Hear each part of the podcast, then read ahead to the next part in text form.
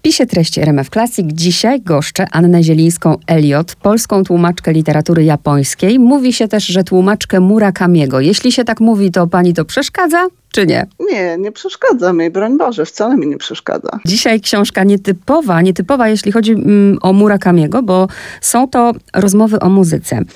Japonia oszalała na punkcie tej książki. Powiedzmy, ile lat temu Japonia oszalała na punkcie tej książki?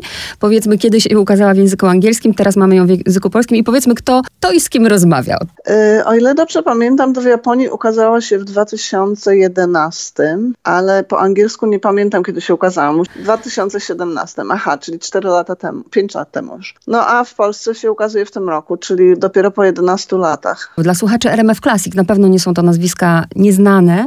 E, czy pani jak tłumaczyła tę książkę, to właśnie dlatego, że jest to rozmowa Murakamiego, bo też mnie zawsze ciekawi, jak do tłumacza trafia książka. No w tym wypadku to tu, tu trafiła do mnie od wydawnictwa, to znaczy wydawnictwo poprosiło mnie o przetłumaczenie jej. Ale miała pani wrażenie, że rozmawiają mistrzowie, czy raczej Haruki Murakami tutaj rozmawia z mistrzem?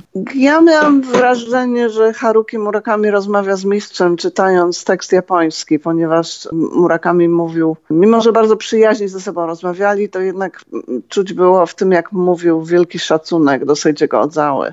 Także miałam wrażenie, że Murakami zdecydowanie uważa, że rozmawia z mistrzem. Murakami też jest taki skromny bardzo tutaj, bo mówi o tym, że bo książka rozpoczyna się jakby od wstępu właśnie Murakamiego, kończy podsumowaniem Odzawy i Murakami mówi, że no jest jakby amatorem, a w podsumowaniu czytamy, że sam Odzawa zaskoczony jego wiedzą i że dowiedział się wielu rzeczy, których sam nie wiedział, to się zastanawiam, jak my w tym wszystkim mamy się czuć jako czytelnicy. My jako czytelnicy to chyba po prostu mamy z przyjemnością to czytać i, i być zaskoczeni, że tak sławny człowiek jak Seiji Ozawa, no w zasadzie geniusz muzyczny, mówi do nas takim zupełnie bezpośrednim językiem. Tłumaczy nam różne ciekawe rzeczy na temat różnych utworów, które nigdy by nam nie przyszły do głowy, gdyby nam o tym nie powiedział. I na przykład ja tłumacząc to słuchałam tych utworów i tam, nie wiem czy pani pamięta, ale są takie fragmenty, że on coś nuci. I po japońsku się inaczej nuci, no bo w każdym języku zwierzęta inaczej mówią, nuci się inaczej. I to było właśnie bardzo fajne słuchanie tych fragmentów, znajdywanie tych, które on nuci i zastanowienie się nad tym, jak to zanucić po polsku. Także uważam, że wracając do Pani pytania, to uważam, że powinniśmy po prostu z przyjemnością czytać i włączyć sobie przy okazji muzykę. I właśnie odpowiedziała Pani na moje pytanie. Bardzo dziękuję, bo ono właśnie było takie, bo tak sobie to wyobrażałam, że Pani tłumaczy i jednocześnie słucha, tak jak oni najpierw słuchali, a później o tych utworach e, dyskutowali. Czy sprawiało Pani trudność właśnie, no bo jednak to jest język muzyki. Ktoś, kto nie siedzi w tym, mówiąc kolokwialnie, może poczuć się zagubiony. Jak to było z tłumaczeniem? Tłumaczeniem tej książki akurat? Nie mam wykształcenia muzycznego, ale mam znajomą, skrzypaczkę, panią Joannę Kurkowicz i e, ona była nieoceniona w, w pomaganiu mi w tym. To znaczy przetłumaczyłam całość, oczywiście korzystałam dużo z internetu E, starałam się, żeby to brzmiało jak, jak najbardziej e, autentycznie, ale potem poprosiłam właśnie panią Joannę, żeby, żeby poprawiła e, i podała mi takie bardziej, powiedziałabym, profesjonalne terminy. A potem, o ile wiem, to muza jeszcze konsultowała tekst z jakimś muzykologiem.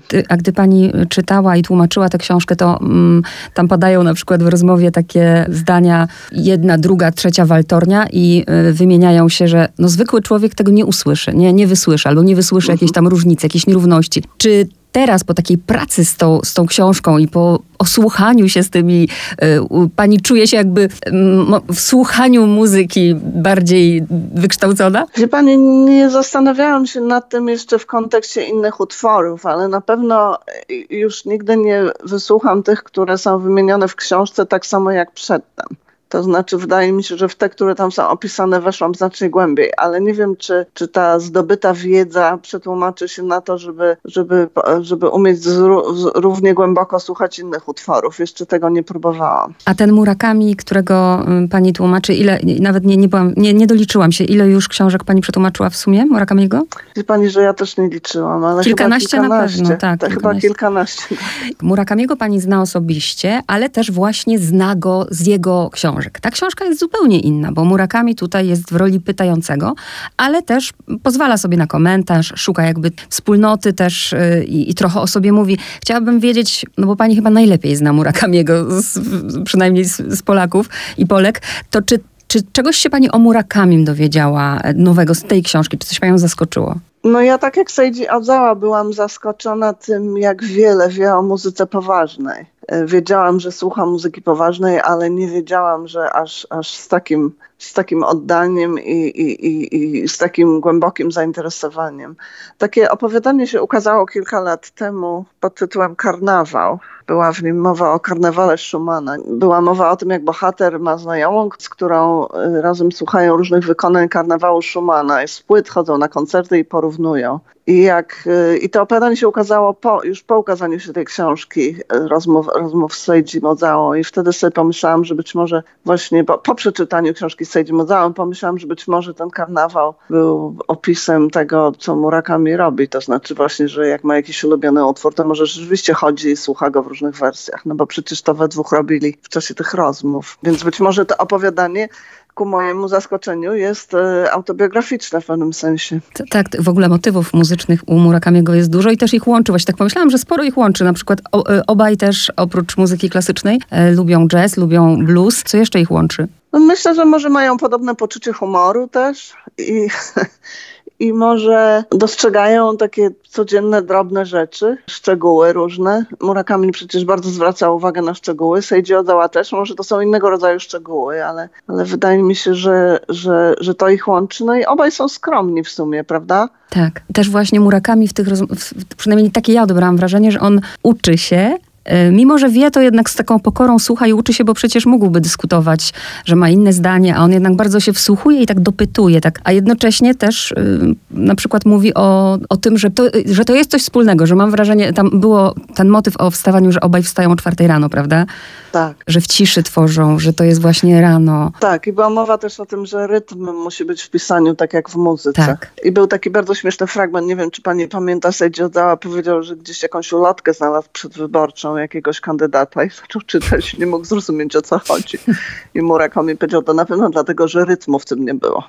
I to szuk... może powinni wszyscy nasi politycy przeczytać o. tę książkę i wiedzieć, że trzeba, trzeba rytm w swojej prozie zawrzeć, bo inaczej wyborcy nie będą czytać. Że to się udało Murakamiemu, że bardzo obrazowo y, opisywał, na przykład zaskoczyło mnie to zdanie, jak on powiedział, że tak naprawdę to nie ma znaczenia już na koncercie, jak on tą batutą rusza. Tak, tak też to zauważyłam. To było bardzo ciekawe. I też było ciekawe, jak kradł batuty innemu dyrygentowi, prawda? Tak, opowiedzmy to chociaż jako jedną anegdotę. Eugene Ormandy. On, Eugene Ormandy, no właśnie. Dawał gościnne koncerty, czy zastępował go może przez miesiąc. W każdym razie korzystał z jego tak. gabinetu i w tym gabinecie w szufladzie znalazł batuty, które były bardzo, bardzo łatwe w użyciu, bo były bardzo giętkie. Powiedział, że przypominały tak jakby koniec wędki. Na zamówienie je miał robione, ponieważ właśnie tak świetnie świetnie działały i, i, i, i ukradł chyba trzy z dziesięciu mniej więcej i potem sekretarka go, sekretarka go przyłapała i ochrzaniła strasznie.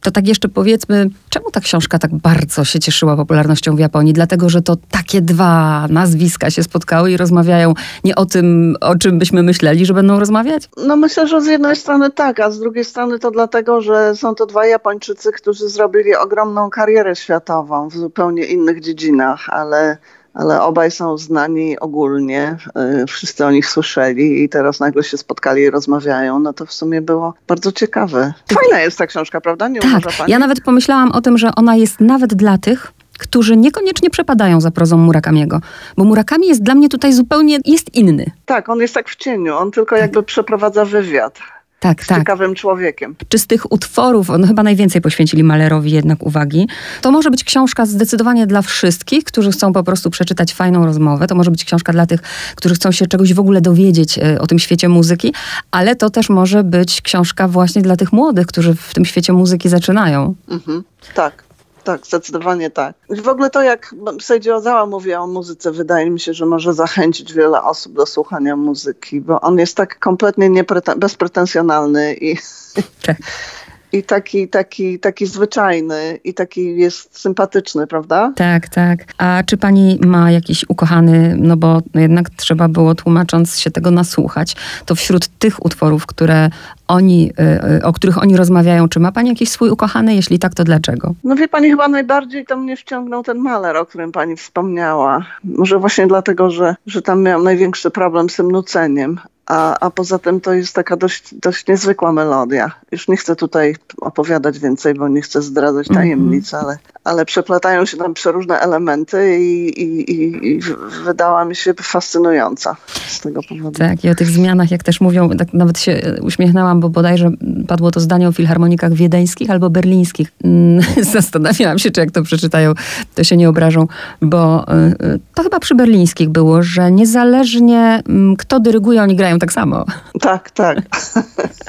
A, a tu właśnie to pokazanie, że jak e, Ozawa dyryguje, to po prostu grupa może w ogóle nie istnieć, może się spotykać raz na jakiś czas, a grają tak samo. Ktoś mi opowiadał y, niedawno, y, że, że Ozawa dostał jakiś czy dyplom, czy honoris causa, nie pamiętam już co, na, na, chyba na Sorbonie i przyjechał tam i, i, i, w ramach tych obchodów e, miał dyrygować orkiestrą uniwersytecką, która podobno zwykle brzmi beznadziejnie. I on y, dyrygował jakimś tam utworem i ta orkiestra podobno nagle brzmiała zupełnie inaczej. Mimo, że może, że nie miał okazji ani długich prób z nią przeprowadzać, ani nic w tym rodzaju. I, I wtedy wszyscy tak psychicznie padli na kolana, no bo pomyśleli sobie, no jednak co wielki dyrygent, to wielki dyrygent. A jeszcze mnie zaskoczyło, nie wiem jak panią, bo oczywiście, że mam takie wyobrażenia, że jak już się jest wielkim, ale nawet jak się nie jest wielkim, to nie sądziłam, że to jest takie, no powiem wprost, klepanie biedy. Jak był tym asystentem, ale, ale nawet później, że robi wiele rzeczy za darmo, że ta taka praca, że nie ma na przykład czasu, żeby gdzieś dorobić, bo trzeba się jej poświęcić w całości. No tak, no z tym, że on też opowiadał że o tym, jak wszyscy sobie dorabiali, kiedy tylko mogli, tak? I dlatego musiał zastępować tych swoich, y,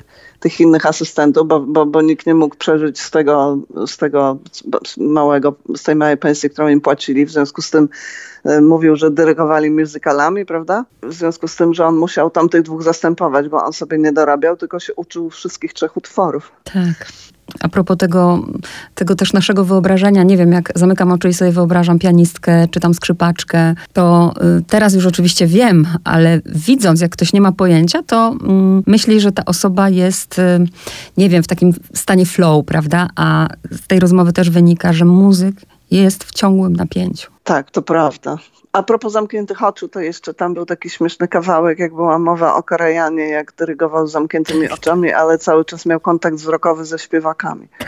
Cóż, na koniec chciałabym, żeby pani powiedziała, nad czym teraz pracuje Murakamiego? Właśnie nie wiem, czy mi to wolno o tym mówić, Aha. no ale, ale powiem, skoro pani pyta, a potem się, jak się okaże, że nie wolno, to najwyżej mnie ktoś ochrzani. Ma się ukazać książka, również bardzo nietypowa, na temat podkoszulków ulubionych Murakamiego. Murakami ma ogromną kolekcję podkoszulków i pisał e, eseje na temat tych podkoszulków do takiego męskiego czasopisma modowego. Takie krótkie eseje i zdjęcie podkoszulka lub dwóch. I potem ktoś wpadł na pomysł, żeby to wydać w książce. I będzie to ilustrowana książka z podkoszulkami Murakamiego i bardzo fajnymi esejami, takimi dowcipnymi, ale też trochę filozoficznymi. I to jest jeszcze kolejna książka, z której można się czegoś dowiedzieć o samym pisarzu też. Dziękuję, Dobrze. wszystkiego dobrego. Do, dziękuję bardzo, do widzenia. Do widzenia.